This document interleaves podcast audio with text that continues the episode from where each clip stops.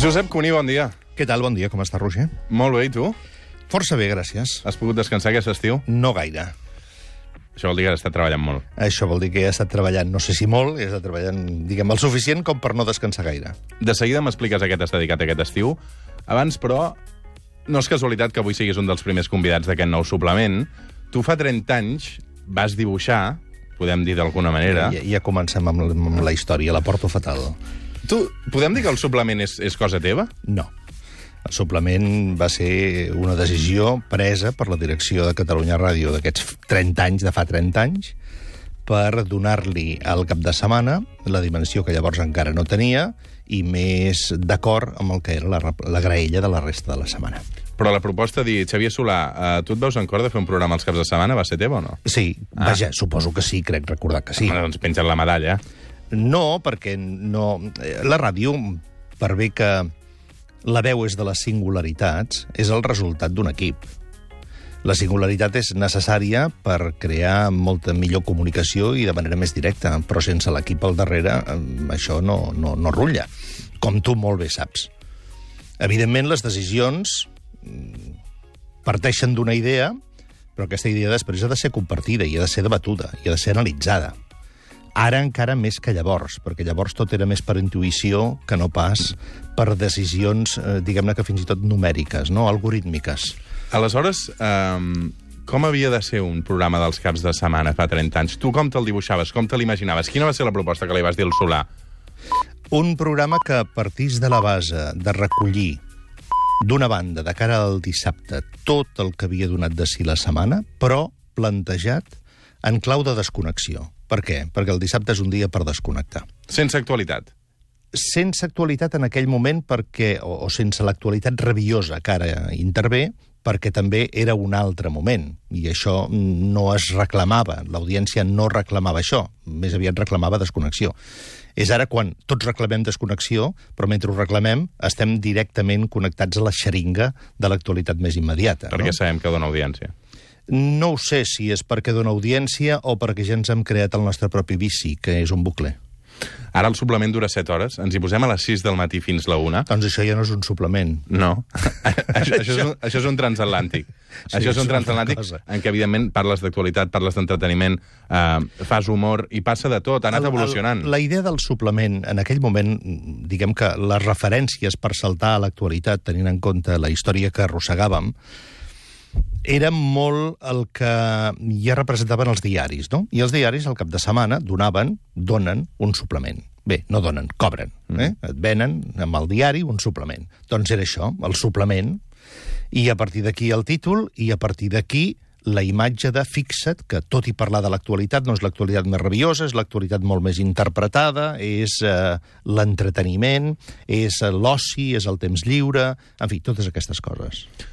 A banda del suplement entre setmana també hi havia el matí, aleshores no era el matí de Catalunya Ràdio, era el matí de Josep Cuní. Un dia haurem d'explicar obertament i clarament aquest programa, que a part de ser lloc de trobada, punt de trobada, com aquells punts dels aeroports de moltes persones entre els que entren i els que surten, s'ha convertit també en el punt d'intercanvi de recomanacions literàries de la Teresa Pàmies i el Fabià Estapé, perquè no hi ha setmana que no es diguin què llegeixes i jo llegeixo. Nostàlgia? es canvien els cromos, no, no sóc nostàlgic eh, professionalment. Puc ser-ho en alguns aspectes de la meva vida personal, privada, però no professionalment. Trobes a faltar fer ràdio, Josep? Però, eh, permetem, permetem abans, si no et sap greu, és esclar, és que m'acabes de, de citar dos, dos tòtems, m'entens?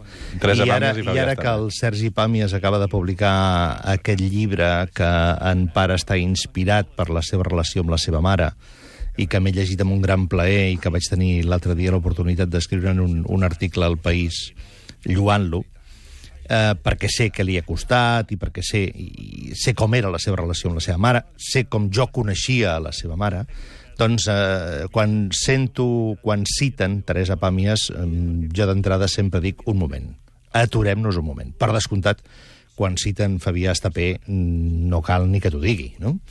Perquè recordo el dia que li vaig anar a dir, escolta, Fabià, m'agradaria que veies el programa, em va mirar de la baix, aquell dia el tenia girat, com tants altres dies, i em va dir, per què? Jo amb una ràdio del Pujol no vinc. i dic, home, no és una ràdio del Pujol, és Catalunya Ràdio. Però en aquell moment hi havia aquesta etiqueta, i tots els que érem aquí, tots eren pujolistes. I bé, és, és aquesta mesquinesa que té aquest país de ràpidament encarregar-se, sempre té necessitat de dividir a la gent en, en blocs, no? Però sí que és una ràdio que en realitat va impulsar Jordi Pujol, no? Va impulsar el Parlament de Catalunya a partir eh, de la voluntat del govern de la Generalitat, però bé, mm, que no era una ràdio pujolista, em sembla que ho demostra el fet que avui continua sent-hi. No? Per tant, va ser una obra de govern amb una voluntat de normalitzar el país, que tots vàrem celebrar i que alguns vàrem tenir eh, el goig i la joia de poder-hi col·laborar i poder-li donar la dinàmica que avui encara té. Mm? O, com a mínim, la dinàmica embrionària del que avui és. Mm -hmm. um, ara m'has obert molts fronts diferents. Deixa'm... És la meva especialitat, sí. sí. De, vinculat a això que em comentaves. Um, què pensa ara Josep Cuní quan veu que um, hi ha certs sectors que diuen que TV3 i Catalunya Ràdio doctrinen? Mm. Doncs que són sectors que fa molt temps que volien dir-ho i no sabien com fer-ho. I ara les circumstàncies els han facilitat això, no? Um, són sectors que pel sol fet, en part, eh, no tothom, no m'agrada generalitzar, intueixo o dedueixo que són sectors que pel fet de que s'expressin en català sempre s'havien mirat o s'havien escoltat amb un cert recel, per bé que puguin ser en part catalanoparlants són que sectors ideologitzats, tot el respecte, cap problema, no?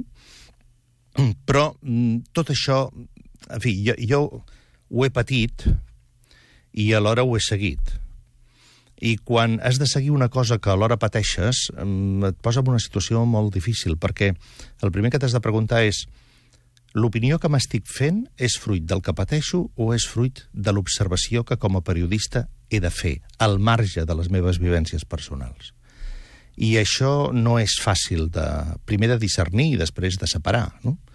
Perquè moltes vegades mm, eh, eh, t'has de preguntar a tu mateix en quina mesura el que tu sents està influint en el que tu informes. I dius, mm, vaja, jo amb això sóc molt de l'escola americana, saps? Escolti, hem de... sabrem el gra de la palla. Però eh, Mira, Catalunya té una gran capacitat d'autocrítica, malaltissa, però tendenciosa. Perquè l'autocrítica autèntica que s'ha de fer no ens la fem mai. Ens fem un simulacre d'autocrítica. Amb això com estàs dient? Aquesta autocrítica de catalans en relació a TV3 i Catalunya Ràdio ve donada per una influència ideològica de sectors recelosos de la normalització del català, als quals ara s'hi deuen haver sumat, suposo, perquè són uns quants més, sectors disconformes amb la trajectòria actual eh, del país. I com que els mitjans públics tenen un dèficit consustancial a ells mateixos, tant a Catalunya com a Espanya, que han estat incapaços de despartiditzar-se, a diferència del que en el seu moment ja quan va néixer, però després sobretot va lluitar per mantenir-ho, va fer la BBC, per buscar un referent, clar, llavors tot això ve abonat. A partir del moment que els consells d'administració de les corporacions públiques responen a quotes de partits polítics que es pacten i es negocien en els parlaments, tenim mala peça al taler. Parles d'autocrítica, eh, suposo que això ja és un punt d'autocrítica, eh, sobretot referent als mitjans públics. Creus que els mitjans hem estat al... al, al... Digues, digues, digues. Autocrítica, sí, clar, jo també he de fer la meva autocrítica. En el conflicte Catalunya-Espanya, els Però... mitjans públics han estat a l'alçada, sí o no? Què en pensa Josep Cuní? Jo crec que el conflicte Catalunya-Espanya, molt pocs mitjans han estat a l'alçada, si és que n'hi ha algun. I on hem, on hem comès errors? En tot. En tot, perquè un cop, un cop hi ha interès en cap a unes trinxeres, és molt difícil que no et situïn en una trinxera. I si tu no vols estar a cap de les dues trinxeres, ets home mort. Això... O ets mitjà mort. Això vol dir que, Escolta, Josep... La, la, la, la cadena espanyola de ràdio que ha evitat, o ha intentat evitar, perquè no ho ha aconseguit del tot, portar la seva pancarta, és la que més oients ha perdut. La més radicalitzada contra la situació catalana és la que més oients ha guanyat a Espanya. Però també a Catalunya entre els que consumeixen ràdio castellanoparlant. El conflicte Catalunya-Espanya, Josep Cuní se'l mira des de l'equidistància? No, en absolut. No, no, no, no, no, en absolut, en absolut. Jo, jo me'l miro com crec que me l'he de mirar Josep Cuní. El Josep Cuní, periodista, intenta analitzar-lo no des de l'equidistància, sinó, d'una banda, des de l'autocrítica com a periodista català, i d'altra banda, des de la crítica com a periodista que viu i que en aquest moment també treballa i col·labora en l'àmbit espanyol. Això Perquè si que... no hi ha autocrítica, no hi ha capacitat d'avançar. Construïm a partir de l'autocrítica. No podem construir positivament a partir de que tots són flors i violes i romaní, nosaltres tenim la raó i la història, estem al costat autèntic de la història. Perdoni, la història s'està escrivint. Si estem en el costat autèntic o no, ho decidirà la història. I cada vegada que sento això penso, mmm, sembla que... Vaja, no, no, estic convençut, vull dir. Jo en aquest moment em sento incapaç de saber interpretar la realitat de moltes coses perquè em sento desbordat. Em sento totalment desbordat. Però em sento desbordat perquè, com que sento coses que a mi em semblen inconexes, per la tradició judeocristiana començo dient-me a mi mateix, no, Josep, no estàs a l'alçada d'interpretar uns nivells tan elevats. I em retiro. I em retiro. Perquè no vull pensar que els nivells són tan baixos que qualsevol dels mortals amb una mica de seny i amb una mica de voluntat per tenir i mantenir el sentit comú sobrepassa aquests nivells tan baixos. No vull pensar això. Si penso això, seria un patulant i un superbi, i, i evidentment, segurament alguns poden pensar que ho soc, no? I segurament dec tenir aquestes dosis. Però no em sembla... O sigui, jo sento discursos que dic, veu un moment, si plau, aturem-nos. Anem a la semàntica? Sabem realment les paraules que utilitzem què volen dir? Sabem exactament la construcció retòrica, què representa? Una vegada una persona d'aquesta casa em va dir d'una altra persona d'aquesta casa diu que ha llegit molts llibres, però em sembla que no n'ha entès cap. Doncs em temo que això és extrapolable en aquests moments a moltes persones. Poden haver llegit molts llibres, el que no tinc clar si els han entès. I això val per qui vulgui donar-se per al·ludit.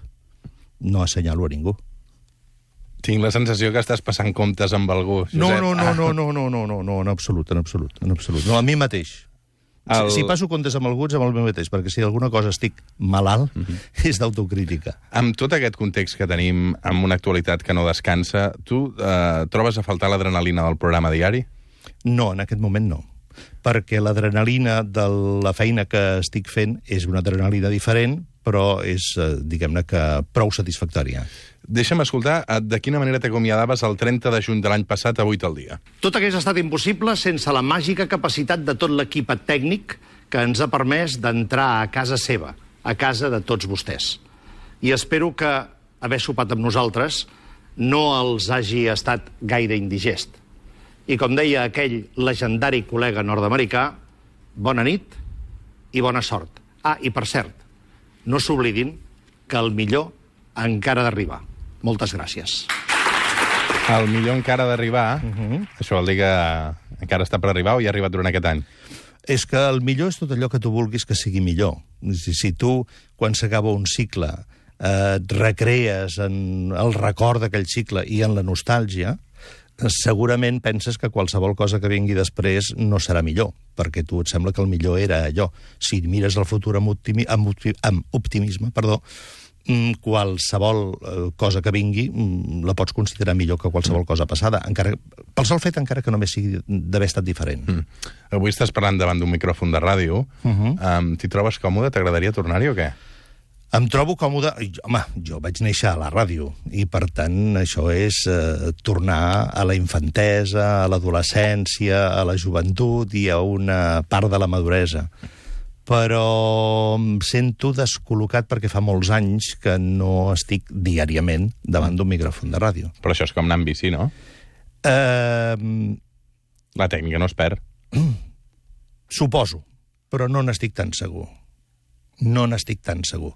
Perquè la ràdio, evidentment, en part és tècnica, però en part és, o, o la, la major part, és capacitat de comunicació.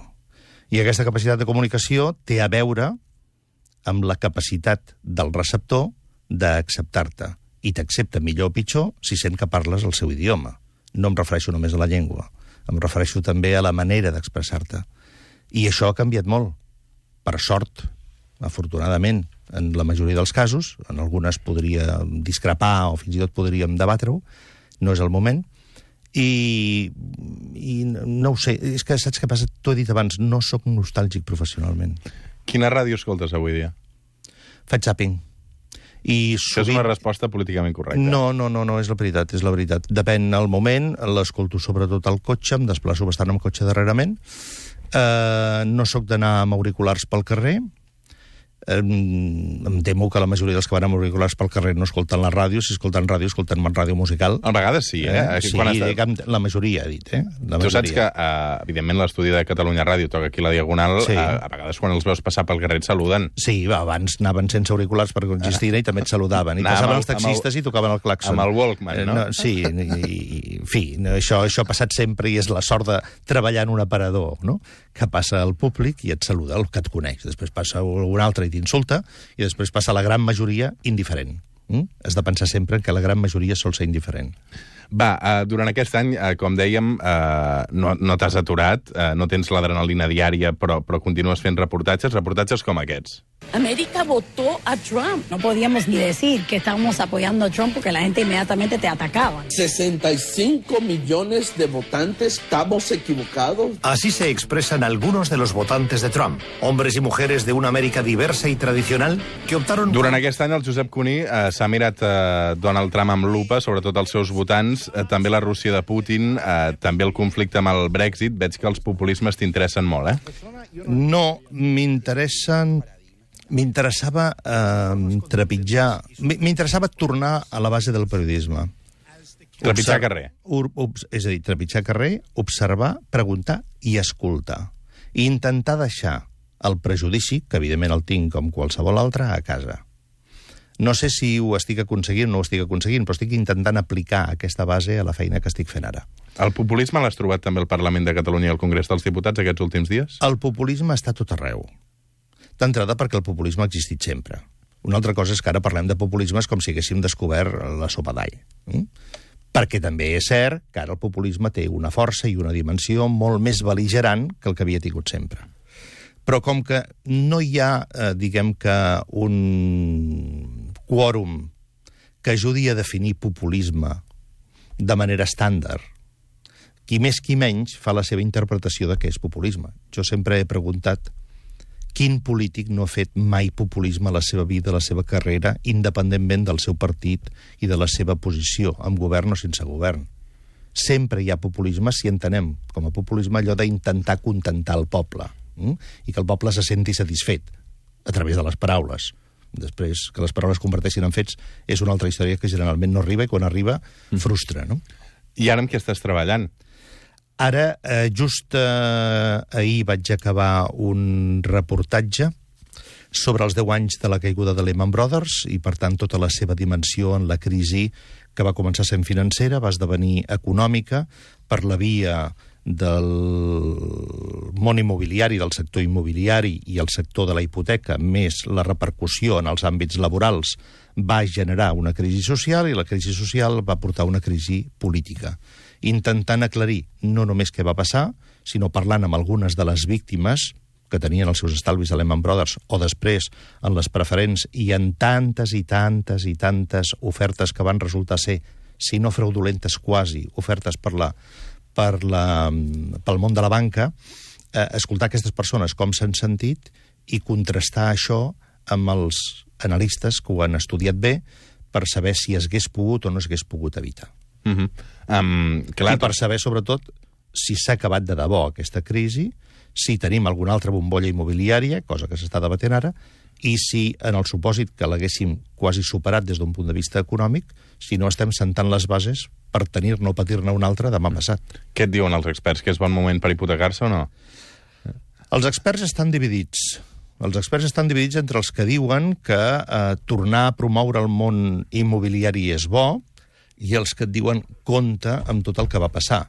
Però el problema no és tant si és bo o no és bo tornar-te a hipotecar o hipotecar-te. El problema és si tu seràs capaç després d'aquí un temps, davant la inestabilitat laboral que hi ha, de poder pagar la teva hipoteca. Aquesta és la clau. Sí, sí. Um, és molt interessant tot plegat. Quan ho podrem veure, això, Josep? Això, eh, a veure, el primer dijous, em sembla que és el primer dijous d'octubre, perquè ara hi haurà quatre... Això no, és- no, no, perdó, l'últ- l'últim dijous de setembre. Això és a 4, eh? Això és a quatre, o sigui, hi ha quatre dijous seguits de quatre reportatges eh, que hem fet, que hem fet un, un equip eh, capitanejat per mi, vaja, o dirigit per mi, per quatre. Uh -huh. um, per tant, uh, això és la teva feina ara mateix, eh? Uh -huh. Uh, també llegim, evidentment, el, el País de tant en tant, no?, amb articles d'opinió. Uh, T'hi sents còmode al País després de tot el que ha passat, després de la polèmica del diari? Alguns articulistes van haver de marxar o van ser acomiadats directament per, per la vessant ideològica? Eh, totes les empreses tenen ideologia, totes, i aleshores tothom és molt lliure de voler-hi col·laborar o no voler-hi col·laborar, depenent de moltes coses, no? Les persones, algunes de les persones que es poden haver sentit incòmodes, pel que jo he seguit, en algun cas, ha estat perquè algun article no els hi han volgut publicar o... No, no és el meu cas. A tu no t'han censurat mai. No dic el País, eh? Dic ja la teva. No, a mi no, no m'han tocat mai una coma mai en lloc. No? Potser és perquè no he estat tan agosarat com per no provocar-ho, no? Eh, Potser he estat fins i tot eh, covard en alguns casos. Mm, Podríem pensar algunes persones. Però, mm, clar, jo crec en la llibertat d'expressió, fermament, com en totes les llibertats. I quan sento parlar de censura, mm, diguem que m'esvero molt. Primer perquè m'espanta. M'espanta que hi hagi censura. Però segon perquè ens hem tornat tots tan fil i tan prim mirats mm, que em temo que de censura n'hi torna a haver, però n'hi torna a haver de per tot, com diuen l'Empordà. Què en penses de Twitter? Perquè tu vas, vas, vas trigar a arribar-hi, no?, una mica. Sí, Um, jo, jo professionalment, el meu equip i el programa tenia un compte Twitter, i jo personalment no el tenia, o el tenia inactiu. Què em penso? Em penso mm, que és una font d'intoxicació que s'ha pervertit una bona font d'informació amb una font d'intoxicació. Carai. Mm, Senzillament és això. Però tot i així em formes part ara com a usuari Sí, perfil sí, però personal. mo- soc, no sóc gaire actiu. No sóc gaire actiu perquè... He, he llegit que et queixes molt de Vueling. Sí, em queixo de Welling perquè ho he patit. N'estàs- Ho he patit. I com que com a periodista entenc que, evidentment, pots mm. utilitzar alguna causa pròpia, tots ho hem fet alguna vegada, per eh, elaborar algun tipus d'article o estat d'opinió, però Twitter és una altra història, a més a títol mm. estrictament personal, no? He patit, he patit Vueling, i, i el que més m'ha sublevat és que mentre tots els mitjans estàvem, eh, m'hi incloc, mm, en tant que membre que col·labora a mitjans o persona que col·labora a mitjans, eh, esbarats per Ryanair i la vaga de Ryanair, perquè surt, contra Ryanair surt gratis. Uh -huh. eh?